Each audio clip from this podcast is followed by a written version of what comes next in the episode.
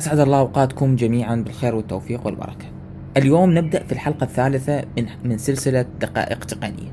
وياكم حسين المولى. عنوان حلقتنا لهذا اليوم المحامي الافتراضي وعالم الميتافير ما يخفى عليكم جميعا إنه اليوم اللي نشاهده من تطورات ومن إمكانيات آه، أعطتها التقنية وأعطاها الذكاء الاصطناعي وبالأساس أعطتها الشبكة العالمية الإنترنت. سهلت وأعطت الكثير من الإمكانيات اللي ما كان من الممكن الذكاء الاصطناعي يصل إلى هذه المرحلة لولا تطور هذه المنظومة ولولا تطور هذه آه، الأساسيات التي اعتمدت عليها في السنوات الماضية. اليوم آه، تقنيات الذكاء الاصطناعي أوجدت لنا تطبيقات عديدة من ضمنها آه، تطبيقات الواقع الافتراضي تطبيقات الواقع المعزز وما وصلنا إليه اليوم إلى آه، الوصول إلى عالم جديد عالم الميتافيرس. اليوم التقنية تمثل أو تشكل اهتمام كبير لدى العديد من الدول ولدى العديد والكثير من المؤسسات الخاصة.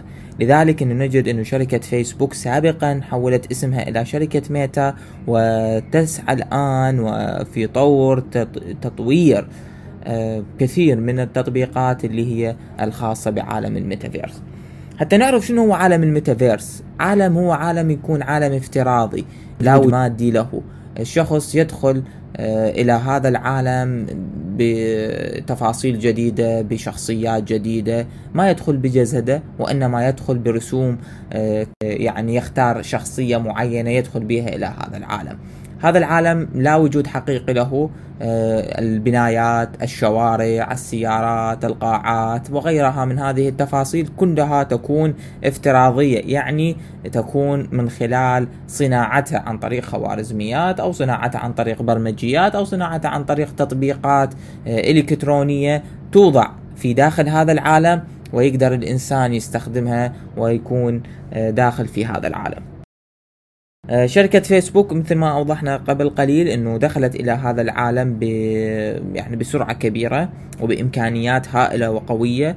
آه، لذلك تبعتها الكثير من المؤسسات التقنية في إدخال هذا آه، الموضوع إلى صلب عملها. العالم الافتراضي هو اللي هو يعني عالم الميتافيرس وضحنا إنه هو عالم افتراضي لا وجود مادي للأشخاص فيه. الواقع المعزز ويربط الواقع الافتراضي في سبيل إنشاء آه، تصور جديد وعالم جديد أيضا. الذكاء الاصطناعي اليوم يمثل أهمية كبرى من خلال أدواته التي تشكل عالم ومستقبل جديد للبشرية. يأتي عالم الميتافيرس في مقدمة هذا آه، التطور وهذا المجال. راح ندخل في مجال قانوني آخر. لأن إحنا تكلمنا هنا كبدايات راح نتكلم هنا الشخص في مجال قانوني متخصص سواء كان ذكر أو أنثى لأن مثل ما تعرفون حضراتكم آه، التخصص القانون ليس حكرا على الرجل فقط لا إنه نجد الكثير من النساء مبدعات في هذا المجال ونجد الكثير من الرجال قد فشلوا في هذا المجال. فهو ليس حكر على شخص معين بذاته وإنما هو آه، يعني تخصص القانون بصورة عامة فهو إمكانية وإبداع لكل شخص لديه الحس الإبداعي والإبتكار والإختراع في هذا المجال ويكون لديه القوة والقدرة على تنمية مهاراته في هذا المجال. فهو ليس حكرا على آه، شخص واحد. آه، نعرف إنه هذا العالم الجديد أو كل اختراع جديد أو كل فكرة جديدة تظهر للمجتمع. إذا لم تنظم بقانون أكيد ستكون مسببة لمشاكل عديدة. لذلك عالم الميتافيرس سبب يعني مع وجوده المحدود الآن سبب العديد من المشكلات.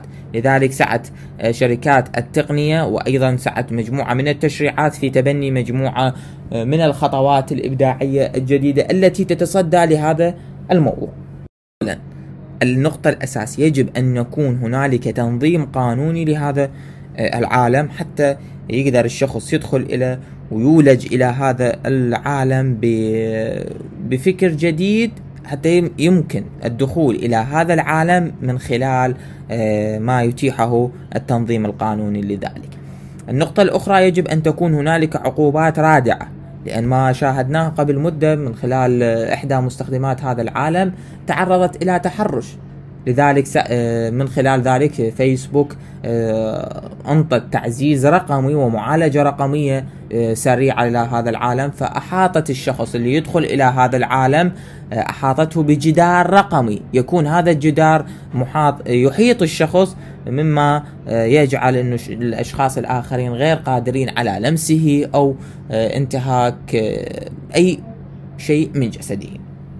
هاي تفصيلة مهمة جدا.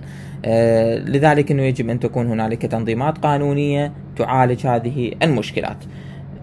الفكرة الأساسية اللي إحنا نتكلم عنها اليوم هذه المشكلات تحتاج إلى عقل آه إبداعي جديد. يفكر بنمط مختلف عن النمط الواقع اللي موجودين إحنا اليوم به. يجب أن يفكر بعقل ومنطق قانوني سليم جديد رقمي. يعني المحامي الافتراضي يجب أن يكون ملم بهذه الأمور آه، يجب أن يكون واعي ومدرك لهذه التفاصيل. لذلك من النقاط الأساسية ومن الأشياء التي يجب أن يكون عليها المحامي أو المحامية في العالم الافتراضي مجموعة من النقاط. أجملها لكم بهذه التفاصيل. أولا أن يقدم الاستشارات أو أن تقدم الاستشارات القانونية في واقع افتراضي. يعني ماكو في مكتب آه، حقيقي أو في شارع معين أنا أجلس به لا هذا اختفى. في يعني سيختفي في العالم يعني في السنوات المقبلة. ستكون عبارة عن آه، شخص يقدر آه، يعطي الاستشارة القانونية وهو في أي مكان في العالم. إضافة إلى ذلك سيعطيها في واقع افتراضي وليس واقع معزز. هاي نقطة أساسية. النقطة الثانية المام بكل التفاصيل التقنية. حتى الشخص يقدر يقدم استشارة قانونية في مجال أو في تخصص معين يجب أن يكون ملم بهذا التخصص. ما يجب أنه يعطي استشارة أو يعطي معلومة غير دقيقة لأن القانون يعني بغض النظر يحاسب أو لا يحاسب على هذه الاستشارة إن كانت صحيحة أو لا يجب أن يحاسب الإنسان ضميره قبل إعطاء هذه الاستشارة وحتى يلجأ إليه الشخص مرة أخرى وحتى يكون محور اهتمام لدى الشخص المقابل حتى يكون لدي لدى الشخص المقابل قناعة بهذه الاستشارة. يجب أن يكون الشخص ملم بهذه التفاصيل ويحذر من تقديمها بصورة غير صحيحة. النقطة الثالثة أن يكون إبداعي في صناعة مكتبه الخاص. المكاتب الافتراضية اليوم تمثل آه، خطوة أساسية في العمل. لأن نعرف أي مكان حتى لو كنا إحنا في الواقع الحقيقي نحتاج أنه أن تكون المعدات المكتب رصينة تكون آه، اللوحات اللي موجودة في المكتب تكون هذه التفاصيل الأخرى. يعني الديكورية تحتاج أنه تكون آه، الشخص في هذا العالم الافتراضي أيضا يعتني بهذه الأمور لأن هي تمثل فد صبغة وميزة يتميز بها هذا الشخص. النقطة الأخرى معرفة القوانين التنظيمية والعقابية في العالم الافتراضي. يجب أن يكون هذا الشخص مواكب لهذا العالم ويجب أن يكون مساير إلى كل التنظيمات سواء كانت قانونية آه، سواء كانت أخلاقية لأن حاليا الدول تشتغل على منظومتين منظومة أخلاقية ومنظومة آه، قانونية آه، عقابية.